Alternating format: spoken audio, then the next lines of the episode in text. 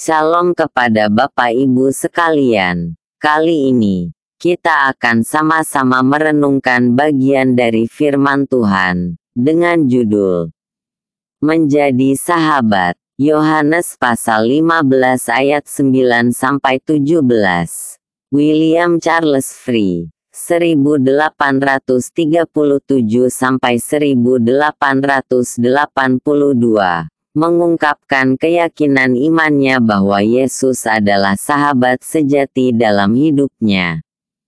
Keyakinan itu dituliskan melalui lagu terkenal yang diterjemahkan dengan judul Tuhan Yesus Sahabatku. Menjadi sahabat bagi manusia adalah pernyataan Yesus sendiri. Yesus menegaskan kepada murid-muridnya bahwa mereka bukan lagi hamba, tetapi dianggap dan diangkatnya menjadi sahabat 15. Antara hamba dan sahabat terdapat perbedaan relasi yang cukup signifikan. Dalam persahabatan ada relasi yang sejajar. Jalinan persahabatan terjadi karena cinta kasih. 12. Cinta kasih ini membuat seorang sahabat bersedia berkorban, bahkan dengan memberikan nyawanya. 13. Tawaran persahabatan dari Yesus memiliki konsekuensi nilai. Pertama, persahabatan ini menghilangkan kerahasiaan seperti yang ada dalam relasi hamba Tuhan. Selain pengorbanan, ada juga rahasia-rahasia yang disingkapkan kepada para murid.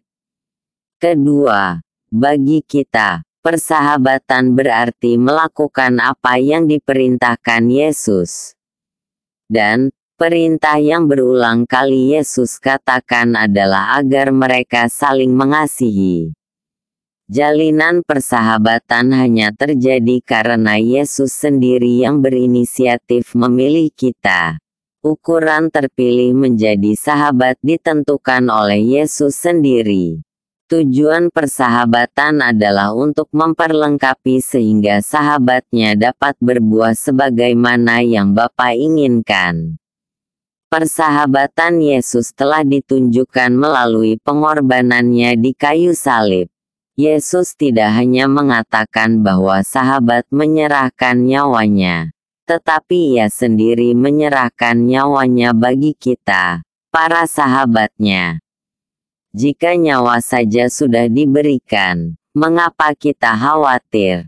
Free mengatakan, jalinan persahabatan Yesus membuat ia merasa aman karena Yesus akan selalu melindungi dan tidak pernah meninggalkannya.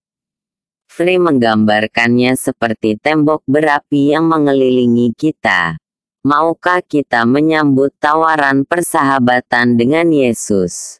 Hiduplah dalam kasih.